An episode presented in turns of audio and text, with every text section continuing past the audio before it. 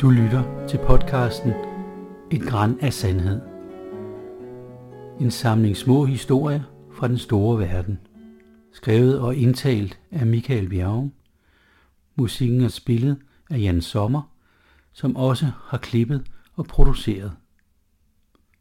God fornøjelse. thank you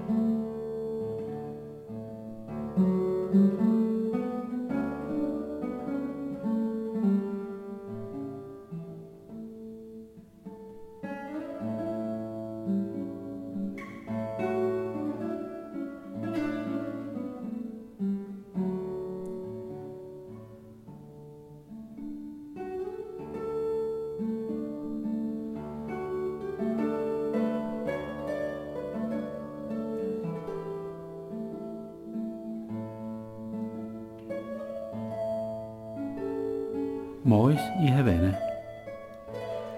Det er igen varmt og solrigt, og en let brise svøber sig om kroppen fra det karibiske hav. Vi står om morgenen foran Hotel Lincoln på Avenida Galliano i Havana og venter på bilen og chaufføren Morris. I dag skal vi en tur rundt i yderområderne af Kubas hovedstad, efter at have set de sædvanlige steder. Strandpromenaden Malecon – og Hemingways to yndlingsvandhuller, La Floridita og La Bodeguita del Medio. På de to sidstnævnte prøvede vi, som 10.000 vis af andre turister, henholdsvis daiquiris og mojitos, til eksorbitante overpriser. Men så kan man jo sige, at man har været der. Vi skriver 1997, altså før man havde mulighed for at tage selfies og lægge på Facebook, så er der ikke rigtig nogen dokumentation men vil kunne vise til børnebørnene. Morris, som er en slank, sort mand med et blændende smil, kommer næsten præcis og parkerer den røde-hvide Chevrolet ved det ramponerede fortog og stiger ud. Bilen er fuldstændig fantastisk, som en duft af svundne tider, af gamle amerikanske film i alt for stærke farver og unge smilende mennesker i solskin og afslappet påklædning. Morris har fortalt, at det er årgang 1954, og der er blevet passet rigtig godt på den, så den fremstår indbydende og lækker. Vi sætter os ind på kunstlæderet, som er en sart beige nuance på bagsædet, hvor ruderne allerede er rullet ned. Et par dage tidligere har vi aftalt med Morris, at vi gerne vil køre os rundt en hel dag og det er lidt åbent, hvor vi tager hen. Vi fortæller, at vi godt kunne tænke os at komme et stykke vestpå langs kysten, og måske finde en fiskerestaurant for at spise noget frokost. Morris han virker lidt forvirret over vores forslag og spørger, om vi ikke kan køre østpå først. Eftersom vi har hele dagen, tænker vi, at det vil være fint at se forskellige steder af byen og af oplandet, og siger okay, og spørger, om der er noget specielt at se derude. Morris smiler og siger, at han godt kunne tænke sig at tage en veninde med på dagsturen, da det ikke er så tit, hun får mulighed for at komme ud af byen. Vi tænker, at det lyder hyggeligt, og Morris starter den store motor, som med en dyb, venlig brummen sætter det tons tunge køretøj i bevægelse. Vi kører gennem bymidten og fortsætter en halv times tid østpå, til vi når et beboelseskvarter, der hedder Alamar. Uden for en boligblok venter en smuk kvinde i 30-årsalderen. Hendes glatte hud er lysebrun, og hun er iklædt en stram blå nederdel, en hvid bluse og et par store solbriller. Hun smiler, sætter sig ind på passagersædet og præsenterer sig som Clara. Vi smiler tilbage og fortæller vores navne. Morris giver hende et hurtigt kys og et smil. Han vender Chevroleten og kører tilbage tværs gennem centrum, hen ad Malecon og ud på 5. Avenida. Alting flyder. Vi flyder ud på det brede bagsæde. Bilen flyder roligt og undgår de værste huller i vejbanen, og tiden flyder stille af sted. Morris vender sig om og siger, at vi kan prøve at finde et sted i lystbådehavnen, som hedder Marina Hemingway. Vi stopper ved en stor gitterport, hvor man kan kigge ud til vandet, og nogle moler, hvor der ligger en sneskive, de fleste store motorbåde. Men porten er låst, og det ser ikke ud til, at der er liv nogen steder. Vi går lidt rundt og håber på, at en eller anden vil dukke op, men der sker ingenting. Morris klør sig i det krøllede hår og spørger, om vi skal køre tilbage til byen igen. Vi vil gerne længere væk fra byen, og foreslår, at vi kører længere vestpå af kysten og ser, hvad der dukker op undervejs. Morris er skeptisk og siger, at han kun kender en lille bar, som ligger ved noget, der hedder Playa Baracoa, en halv times kørsel væk. Jeg er ved at være godt tørstig, så ordet bar klinger velkendt og tiltrækkende.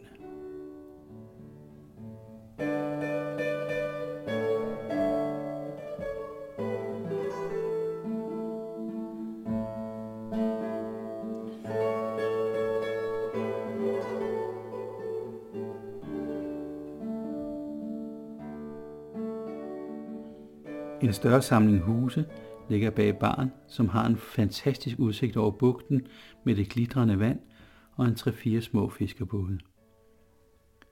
Morris finder et sted under et stort træ, så Chevroleten kan holde i skygge, og vi sætter os foran baren, hvor der allerede er en flok lokale, som drikker kaffe og vand.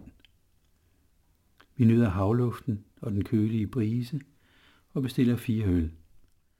Det er ikke nødvendigt at tænke over, hvilket mærke, fordi baren har kun én slags øl, den mest udbredte på øen, Kristal.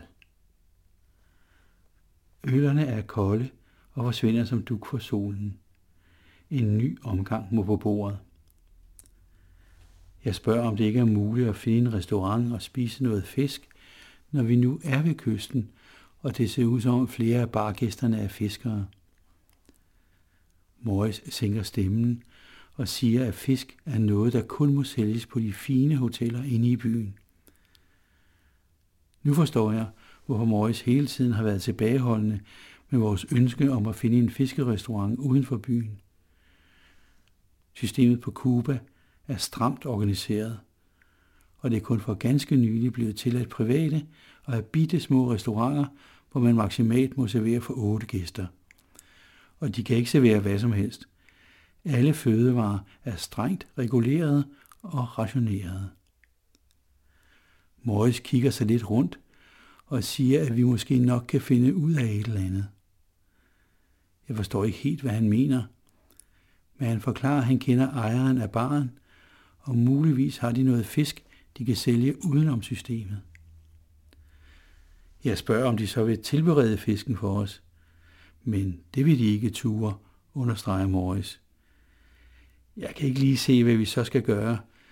Lave et bål på stranden, eller lege, at det er sushi 15 år, før det bliver populært alle andre steder end i Japan.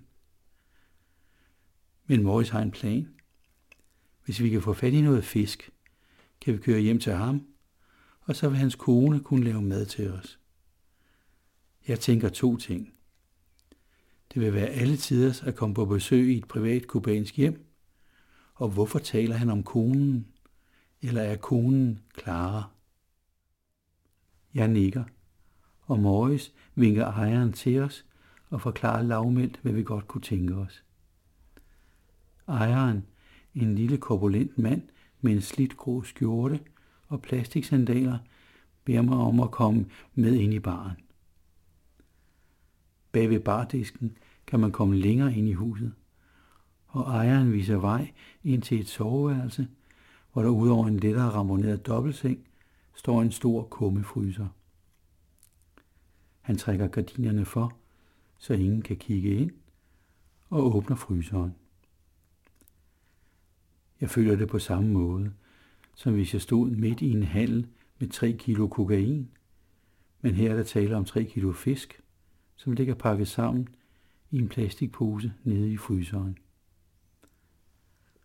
Ejeren ser lidt beklemt ud og siger, at han er nødt til at forlange 50 dollar for fisken.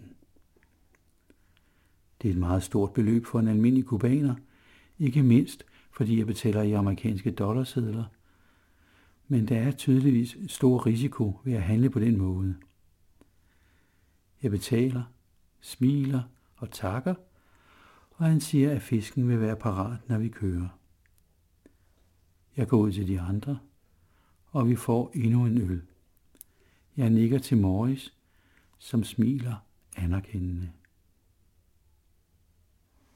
På vej hen til bilen, som stadig holder som et insekt under træet, kommer ejeren ud af husets bagdør med en plastikpose i hånden. Hurtigt anbringer Morris plastikposen under passagersædet, godt gemt væk. Vi sætter os ind, vinker til barmanden og kører stille tilbage mod 5. Avenida og vender tilbage mod Havana. På forsædet fortsætter Morris og Clara med deres fløten, krammeri og småkysseri.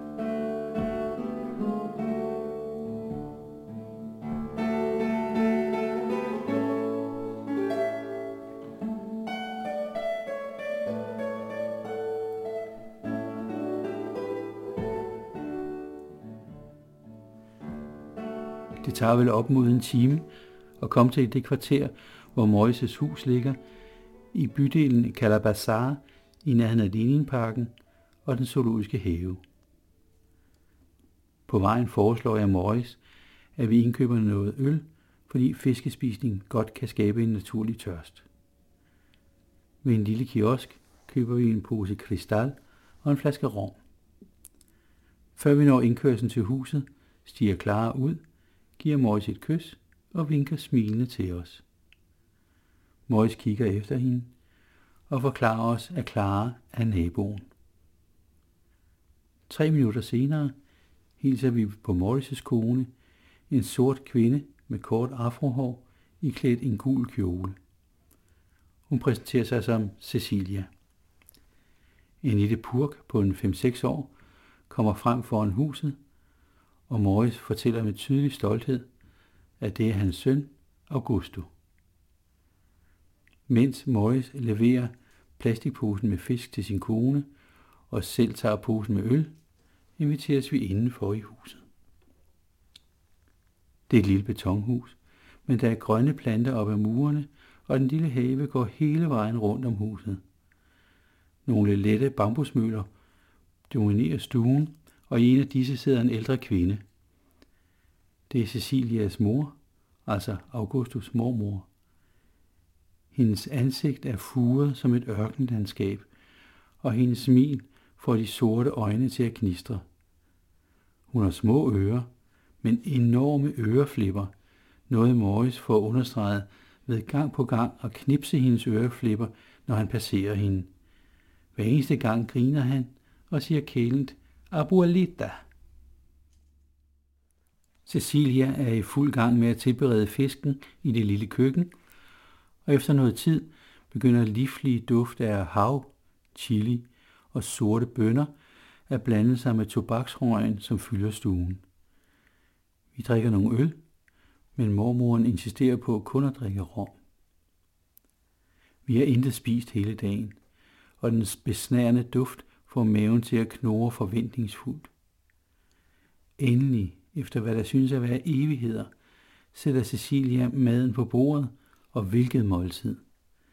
Salat og bønner, stegte fiskestykker, og selvfølgelig den uundværlige ris, som altid er på bordet i de kubanske hjem, fylder snart synet og snart maven.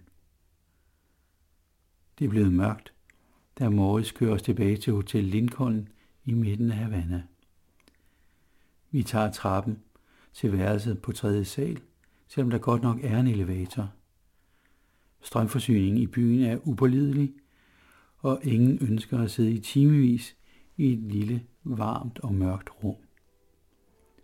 Stuepigen har igen ret dobbeltsengen og kunstfærdigt placeret de to store håndklæder, så de ligner to hvide svaner, der kysser.